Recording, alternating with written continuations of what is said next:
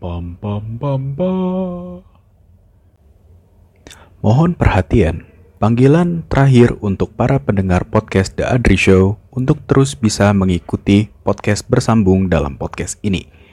Hal ini dilakukan untuk memenuhi tantangan 30 hari bersuara dari The Podcaster Indonesia. Terima kasih. Pam pam pam pam. Gue merasa kalau takdir merupakan suatu hal yang gak bisa kita kontrol. Contoh besarnya aja, kita ditakdirkan untuk mati. Tetapi untuk mencapai ke situ, ada beberapa pengaruh dari hal lainnya. Yang namanya adalah sebuah usaha, kejadian, dan nasib.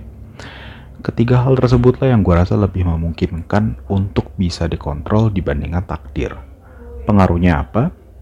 Pertama-tama gue mau masuk kepada mengapa lebih mudah untuk mengontrol ketiga hal tersebut. Alasan utamanya adalah karena takdir merupakan suatu hal yang pasti.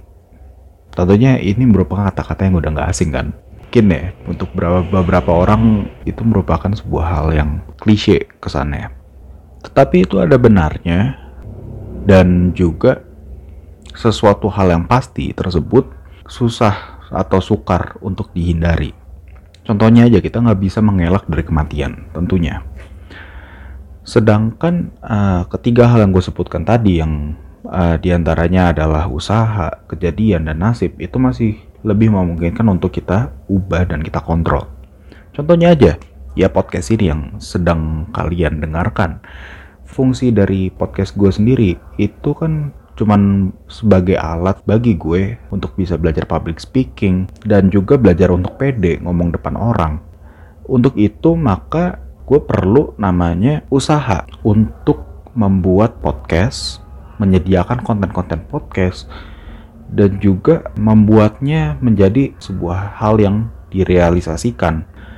Dari situlah gue percaya kalau takdir merupakan sebuah ketetapan yang gak bisa diganggu-gugat.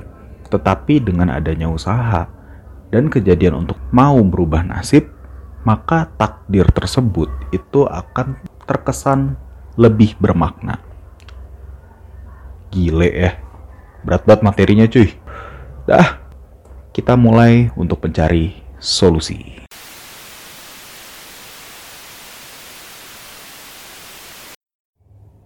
Mau tahu cerita selanjutnya? Stay tune di podcast The Adri Show.